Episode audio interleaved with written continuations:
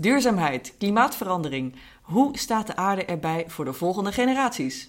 In het maatschappelijk debat gaat het voortdurend hierover. Maar wat is er hierover in het licht van de Bijbel te zeggen? Biedt wellicht het christelijk geloof een hoopvol perspectief ten opzichte van dit thema? We gaan erover in gesprek met Niels de Jong. Welkom bij de Noorderlicht Rotterdam podcast. In deze podcast verkennen we de dagelijkse dingen in je leven en ook welke rol geloof in dit leven voor je kan betekenen. Hey Niels. Hoi, Daar hallo. zitten we weer. Yes, Ja. hartstikke leuk. Om met het laatste te beginnen van de inleiding over eh, wat het christelijk geloof eh, over duurzaamheid zou kunnen zeggen.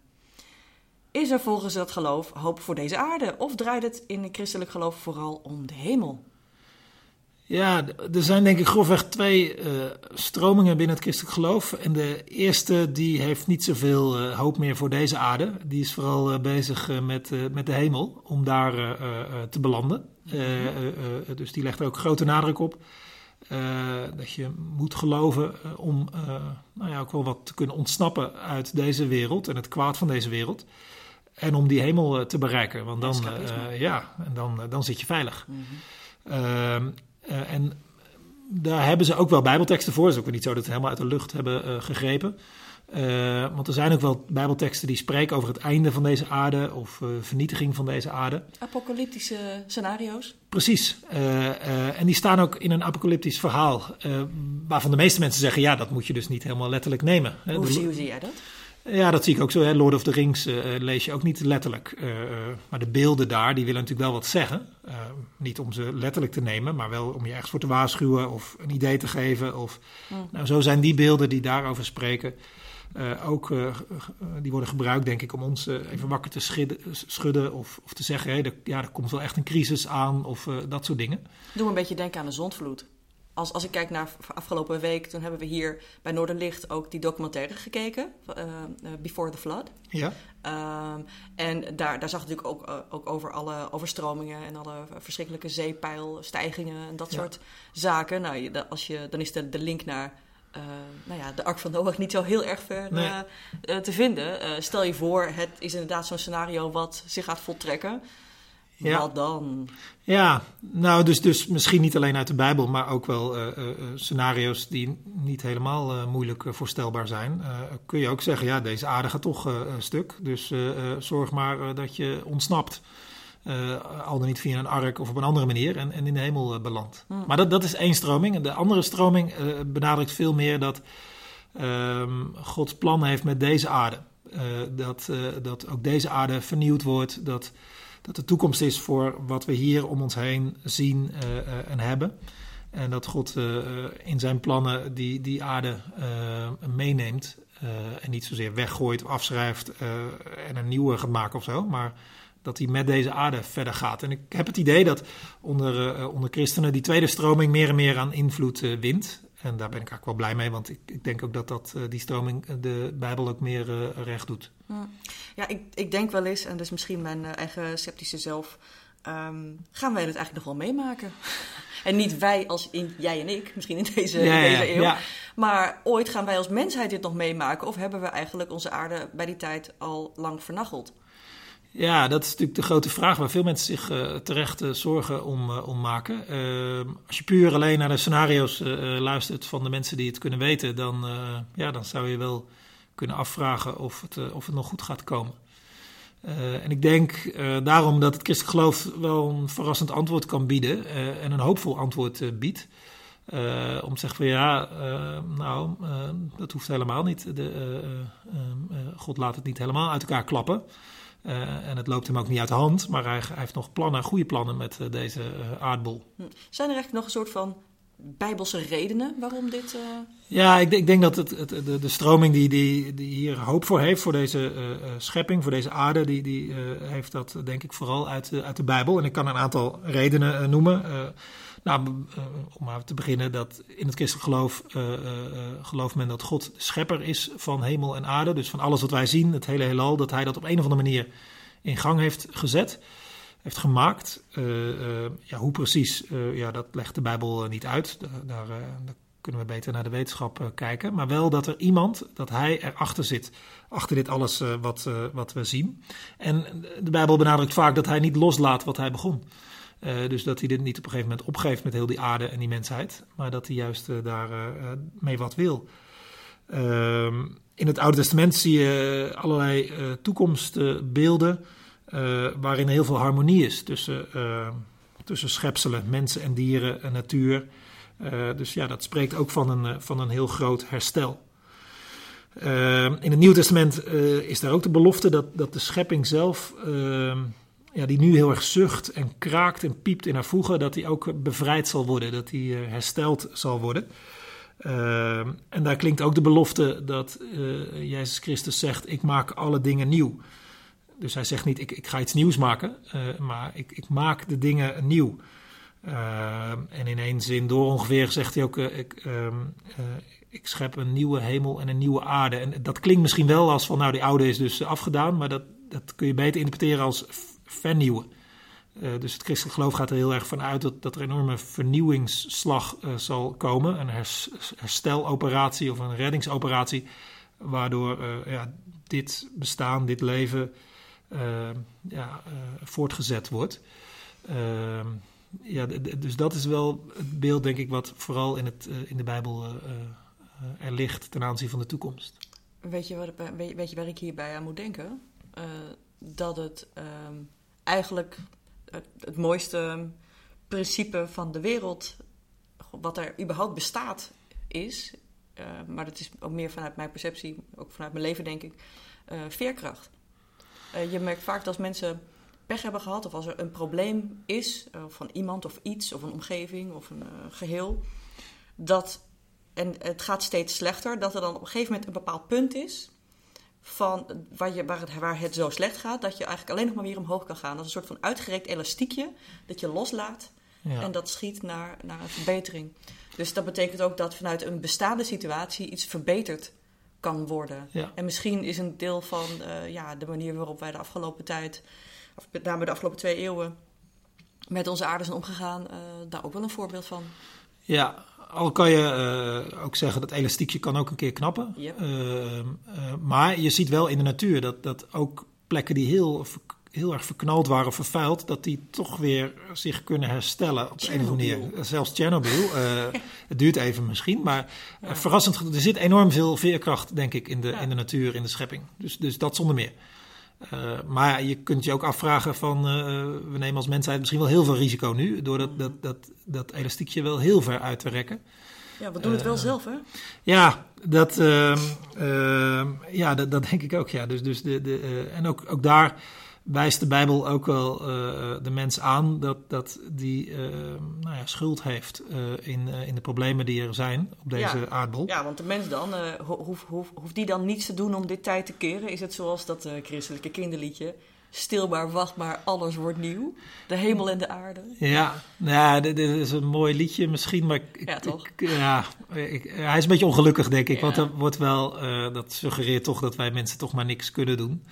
En ook maar niet moeten doen, want het heeft toch geen zin. Maak je een beetje incompetent, hè? Van, ja. Je hoeft niks, want je kan niks. En passief ja. uh, en uh, afwachtend. Wacht maar gewoon ja. totdat het allemaal goed komt. Nou, ergens is dat wel de hoop dat God het goed gaat maken. Dat, dat, dat hij op de een of andere manier uh, gaat, gaat redden. Dus die hersteloperatie waar ik het net over had. Hmm. ja, die moet wel, denk ik, vooral van God komen. want het, de problemen zijn nu van die schaal en van die orde van grootte. dat geen mens dat gaat oplossen in zijn eentje. Dus ehm, nou ja, dus, maar goed, ook daar zijn heel veel beloftes uh, van in de Bijbel dat God op een keer gaat, uh, gaat redden. Ja, want de mens kan het dus niet meer in orde maken. Nee, nou, uh, nee, niet, niet in zijn geheel, zeg maar. Kijk, op deelniveau natuurlijk wel. en, en de Bijbel staat ook vol met wat de mens wel kan doen, of zelfs hoort te doen. Het begin van de Bijbel is, is, is daar heel sterk in wat, wat de opdracht van de mens is. Uh, nou, die, die, die, jammer genoeg is die teksten ook soms verkeerd uitgelegd. En er werd gezegd, ja, de mens is de baas over de schepping en, en, die mag heersen en dus ja, doen wat hij wil, zeg maar. Daar staat wel heersen, zou je het kunnen vertalen, maar dan wel op de manier waarop God dat doet. En, en, God heerst met aandacht voor het zwakke, uh, voor het kwetsbare, voor wat, uh, wat zichzelf niet kan helpen. Op die manier heeft God gezag. En als het goed is, een mens ook. Dus helemaal niet om de boel uit te putten of uit te nutten voor eigen gewin. Integendeel, maar juist om er ten dienste van, het, van anderen of van iets anders te staan. Oké, dus mensen die verpesten het een beetje tot nog toe. heeft het dan wel zin om wat te doen, hoor je wel eens, hè? Als er zoveel mensen en bedrijven zijn die de klimaatverandering alleen maar opjagen en nog meer milieu verknallen? Uh, uh, ja, nee. Uh, ik denk dat het goed is om realistisch te zijn. Dat, er ook dat, dat die mensen er altijd zullen zijn en blijven. er zullen altijd kwade mensen blijven, schurken, egoïsten, hebzuchtige mensen. De, de, de Bijbel is daar helemaal niet naïef in. Aan de andere kant uh, uh, spreekt de Bijbel steeds weer mensen aan op hun opdracht. Dat ze er zijn om, om te dienen, om te helpen, om met zorg voor deze schepping om te gaan. In het Bijbelboek Genesis staat ook het, het woordje bewaren. Hè? Wat, wat wij ons toevertrouwd is, dat als het goed is, bewaren we dat. Dan gaan we er met zorg om. Ehm, en daar geeft in de Bijbel door zie allerlei bepalingen hoe, hoe wij mensen dat kunnen doen. Bijvoorbeeld een belangrijk principe in het Oude Testament is dat, dat om de eh, zes jaar een stuk land rust krijgt. Dus niet alleen mensen krijgen om de zoveel tijd rust, maar ook het land, zeg maar. En dat is natuurlijk heel, heel goed voor ecologie om eens, om eens een jaar lang even niks te doen met zo'n land, maar even tot rust te laten komen en dan te kijken wat er, wat er, uh, wat er komt en wat er opgroeit. Uh, zo staan er allerlei principes in, in de Bijbel die, die heel erg helpend zijn om op een goede manier met deze aarde die ons is toevertrouwd uh, om te gaan. En of het dan zin heeft. Uh, ja, je zou zeggen, ja, als de buurman of als dit bedrijf of dat land alle regels aan zijn laars lapt, heeft het dan zin? Ik denk het wel, omdat in het christelijk geloof gaat ervan uit dat God inderdaad met die toekomst bezig is waarin alles goed komt, alles vernieuwd wordt, de dingen hersteld worden. Uh, en uh, daar zit de belofte in zich dat dingen ook meegenomen worden van nu in die toekomst. Niet de slechte dingen, niet de, de afbreukdingen of, of de kwade dingen, die, die blijven achter. Maar het goede, het mooie, het schone, uh, dat wordt meegenomen. en dat is denk ik een heel erg sterke inspiratie om, om te weten, alles wat ik, wat ik doe aan goede dingen, aan mooie dingen, aan dingen die helpen. Op de een of andere manier neemt God die mee in zijn toekomst, in zijn vernieuwde schepping. Uh, uh, en dat maakt denk ik uh, dat je mag weten dat het helemaal niet te vergeefs is wat je doet. maar dat je juist bezig bent met iets wat het wel gaat redden in de toekomst. Nou, dat is een heel mooi uitgangspunt. Ja. En, we, we, denken ook nu een beetje in de overkoepelende schaal, zeg maar. Ja. Maar we zitten hier ook in, midden in Rotterdam. In de stad, met onze eigen vuilniszakken en auto's en plastic ja. en batterijtjes dat soort dingen. Wat, wat doen we hier bij Noorderlicht? Hoe, hoe zien we het hier op de kleine schaal, op de, pers op de persoonlijke schaal? Want uiteindelijk uh, heeft ieder mens, als je bijvoorbeeld kijkt naar de hele praktische dingen in je eigen huis. Uh, je hebt bijvoorbeeld plastic in huis iedere week, verpakkingen van wat je aan boodschappen doet. En als je per week kijkt wat één mens aan plastic alleen al voor spullen verzamelt. Ja. En dat dat, hoeveel dat op jaarbasis is, probeer je even voor te stellen hoeveel zakken dat op elkaar zijn. En dat keer uh, nou ja, 600.000 Rotterdammers. Ja. Best wel veel. Dus wat, wat kun je doen uh, aan bewustwording hierover in je eigen leven? En uh, helpt het geloof daarbij? Ja, dat denk ik wel. Uh, nou ja, een beter milieu begint bij jezelf. Ik denk dat je het ook wel klein moet maken. Uh, en ook gewoon kijken wat jij kunt doen. Je kunt altijd naar anderen kijken, maar dat, dat helpt niet zoveel. als je, dus denk gewoon maar te doen wat jij kunt doen. ik vergelijk het wel eens met, met, met armoede, zeg maar. jij of ik gaan het armoedeprobleem in deze wereld niet oplossen. Maar wij kunnen wel misschien één arme persoon helpen. Of een eenzame, of, of noem maar op. Zeker. En zo is het ook wel met het, uh, met milieu. Dat is misschien niet gelijk één mens, maar ook al doe je voor één deel van deze schepping iets goeds. Nou, als je dat kan doen, is dat mooi. En moet je dat vooral niet nalaten. Ja, mooi. Uh, ik, uh, en als je, als je het nu hebt over één mens helpen op het gebied van eenzaamheid of armoede, of wat ook, dat, dat doet me denken aan dat je niet um, iemand een vis geeft, maar iemand leert vissen. Ja, ja, dus, dus het begint bij jezelf, maar op een gegeven moment kun je misschien andere mensen aansteken, uh, inspireren, helpen. Uh, en ik denk dat het heel, het is een ingewikkeld probleem. En het, moet je nou die komkommer in plastic kopen die wel biologisch is, of die komkommer die niet biologisch is, maar ook niet in plastic zit? allemaal dat soort zijn heel lastige thema's. Kleding, waar komt dat vandaan? hoe zit dat proces eigenlijk in elkaar? je maakt jezelf wel wat moeilijker, denk ik. Tuurlijk is het veel makkelijker om te denken, nou, alles gaat toch kapot. Ik, ik, ik, leef mijn leven en ik denk nergens aan. Makkelijker. Uh, maar het licht van de Bijbel, niet, daar word je geen beter mens van. En ook geen prettiger mens, denk ik. Dus je zult dat taaie, ingewikkelde, lastige dilemma's van elke dag wel aan moeten. en gewoon maar proberen. En, en kijk wat jij op jouw schaal, in jouw huis, in jouw werk, in jouw straat kunt doen. En zo hopen dat je stap voor stap verder komt. Hier in het Westen zitten wij voorlopig, ben ik bang, aan de verkeerde kant van, van het spectrum. Eh, eh, onze voetafdruk is waarschijnlijk eh, nog te groot of veel te groot zelfs. Nou, laten we eerst maar eens met ons, naar onszelf kijken of we dat kunnen verkleinen. Uh, en, uh, Met je eigen verantwoordelijkheid. Ja, ja ik denk dat het, dat het, goed is om terug te gaan naar waar, waar, jij verantwoordelijk voor bent en wat jij kunt doen.